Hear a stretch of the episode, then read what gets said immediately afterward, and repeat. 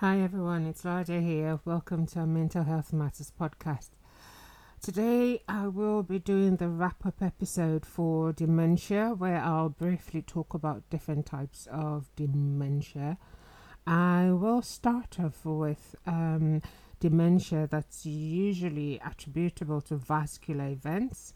So, vascular events will be things like stroke uh, related to uh, blood pressure, poor blood pressure control, diabetes, and uh, high cholesterol. So, um, generally, this uh, contributes to cognitive impairment and dementia, and they can also re- re- result from vascular brain injuries. Um, so, what usually happens is that following those uh, events, there is uh, significant changes to the memory, the thinking, and behavior, as well as the cognitive function. So, generally, the symptoms will be related to the part of the brain uh, that is um, affected. So, we have this producing two main events that's the vascular dementia and vascular cognitive impairment. So, we have um, these symptoms will be similar uh, to what we get with Alzheimer's, which is affecting memory, thinking, and behavior. It can begin suddenly, unlike Alzheimer's, where you know there's a gradual decline. If there's, for instance, a stroke and if it affects uh, that part of the brain, or it can be gradual, um, and people generally come up with um, abnormalities seen in the brain scans, uh, like the MRI, um, that shows the part of the brain that's affected. And we see things like diffuse changes in that area. Um, and you know with the wires i said before like the neurons connecting the brain so what uh, do we see we see progressive loss of memory and other cognitive uh, functions. And um, people tend to have difficulties with organization, uh, they're slowed thinking, they have difficulties with attention, and um, also problem solving, as well as the main one, which is um, memory loss. For the cognitive impairment, uh, this the, the cognitive impairment that's related to vascular events, we tend to see uh, changes with um, language, attention, uh, reasoning, um, and also the ability to think. Now, post-stroke dementia can still develop months after a major stroke, so it could be sudden and it could also develop um, after uh, months after a stroke. And also, there could be um, the collection of small strokes, what we call multi infarct dementia. Um, so you have just tiny, tiny bits of uh, collection in the brain. Um, and generally, uh, as as before, language may be impaired, and that particular part of the brain that is affected will be what will produce the symptom, uh, the prominent symptoms that we will see. So, I will go on uh, to talk about alcohol related brain damage. So, now this uh, is um, not what we call this is not one of the common ones, but it does occur and um, it occurs as a collection of a triad actually um, when there's um, alcohol related brain damage. So there's what we call Wernicke's, Korsakoff's, and alcoholic dementia. Generally, um, people who have alcohol dependence are given um, multivitamin supplements because it's been found to be a combination of the alcohol related brain impairment and also um, um, a combination of vitamin B1 deficiency.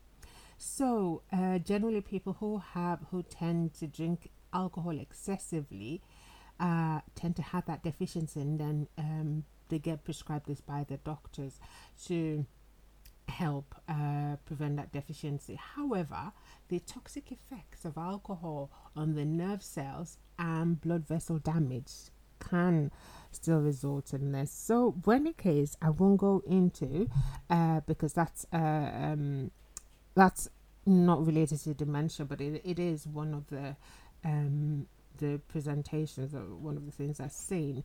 So probably another episode where I'll talk about alcohol related uh, damage uh, to the body and the brains. So with alcoholic dementia, what is seen is that there is a deterioration in uh, the abilities in planning, decision making, and assessment of risk. So in in, in all, um, there's a change in personality, um, reduced impulse control, where you know you as uh, uh, as a typical person, you will you know take a second thought, uh, second you know minute to think before you jump on the road. So there's reduced impulse control. There's reduced emotional control as well. And um, this generally results in conflict and socially inappropriate behavior. Also, um, there's problems with attention, with concentration, and the main one, memory loss. So, uh, following that, I will go on to Lewy body. Uh, Lewy body is another um, type of dementia. This generally uh, is a, a type of dementia that's associated with abnormal deposits of a protein in the brain. This protein is called alpha synuclein, and these body these these depositions form what we call the Lewy bodies. That's why it's called Lewy body dementia, and they affect the chemicals in the brain as well as the wires, which is the the neurons. So people who have this have difficulties with thinking, movement, behavior, and mood. So, in contrast to the others that I've mentioned, uh, there's there's the addition of movement uh, to this one. It's one of the most common uh, types of dementia, um, and um, it could also uh, be. You know, there are two variants. There's a dementia with Lewy bodies, and then there's a Parkinson's type uh, disease dementia um, that will be a totally different topic in itself. But I'll just give an overview of the signs uh, with these. So, what do we see? As I mentioned before, there's a cohort of thinking, movement, memory, and the earlier signs uh, differ, but generally they reflect the biological changes in the brain. Um, so the the it is a progressive disease as just as the Alzheimer's. However, in the early stages, the symptoms can be mild and people can function they can function normally. However, as it goes on, there's declining thinking and there's movement uh, problems. So, um, to to diagnose it is just uh, a, a bit the same where we use brain scans and a collection of the symptoms that are seen. Um, again, it does not have a specific uh, cause, but there are also uh, different um, contributors, like uh, people who have a certain disease and health conditions. Um, Parkinson's disease is one, and then genetics if it runs in the family. So um, again, there's um, memory problem, there's mo- um, movement, and in particular, there is um, problems with movement and sleep, and as well as mood. So, and uh, finally, I will be looking at frontotemporal dementia. So, this is um, one that's a little bit different from the others uh, because it, it involves uh, the frontal and temporal parts of the brain, and these um, produce many possible symptoms. So it, it is, you know, because of the different parts of the brain affected, the frontal and the temporal, they do a lot of uh, functions. So the the range of symptoms are quite uh, a bit large. However, one of the prominent ones is unusual behavior because the frontal lobe does a lot of functions um, like our executive functions and our personalities um, and uh, so we can see like a reflection of a change in the person thinking well this is not you know, the person i used to know not because of memory loss not because they can't remember but because the part of the brain that's affected. So there's unusual behaviors there's emotional problems there's problems with executive thinking there's problems with uh, uh, communicating uh, there can be difficulty with walking as well and uh, the thing about the frontal temporal dementia is that it's it's um it can be genetic uh, and it, has a higher incidence of uh, genetics uh, in this than a couple of the other ones and it also affects um, younger people. So, uh, unlike uh, Alzheimer's, where we see in, in um, a, a, bit of the older population, 60% of people with frontotemporal dementia are about 45 to 64 years old. And um, so we see this in a younger uh, population. So, um, people can live with it for a while uh, and sometimes longer before it becomes more prominent. As the disease progresses, other symptoms might appear as the spread affects uh, other types of the brain. So uh, this might be a little bit more challenging uh, for the family because the population are younger, and then you know there's that significant change uh, in functioning because our frontal lobes are very you know very vital to our functioning.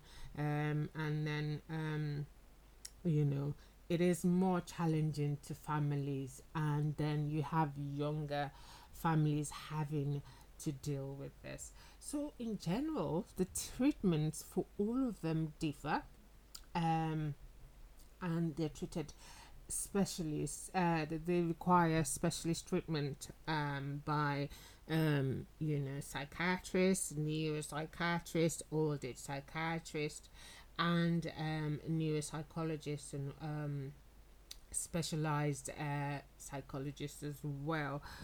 So, when this occurs, if there is any um, thinking or any uh, symptom that's making us think that we have or one of our loved ones could have this, it's usually better to seek medical advice early because it can't it can't be cured but the progression can be slowed.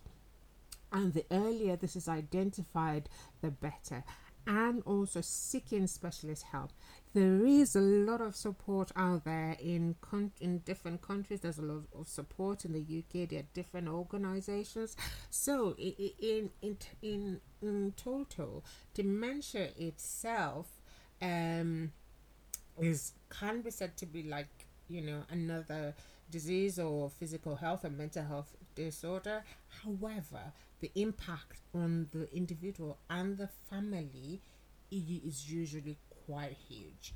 And so, the first thing, aside seeking medical advice, is to look out for the support out there. Seek advice, seek the support, and make good use of the support out there. A lot of um, things that will be advised by the professionals, such as lasting power of attorney, advanced treatment, uh, getting carers, and making plans for the future. These are all the things that um, the individual or the family will need um, help with. So, seek advice. Even though there isn't any treatment, um, there isn't any cure, um, there are treatments that help to slow the progression and there is support out there. So i can't over it i can't emphasize this enough. Support support support and uh, advice from uh, specialist professionals. I hope this um, episodes of dementia has been helpful. I haven't gone into much detail but i've just given an overview so uh, of what to look out for and uh, the steps to take. So thank you for listening. Um, remember to give us feedback if you can on our Facebook page or our Facebook group. It's called our Mental Health Matters, and on Twitter at Omolade Amaka, which is O M O L A D E A M A K A. Until next time, remember empower your mind, empower your life. Goodbye.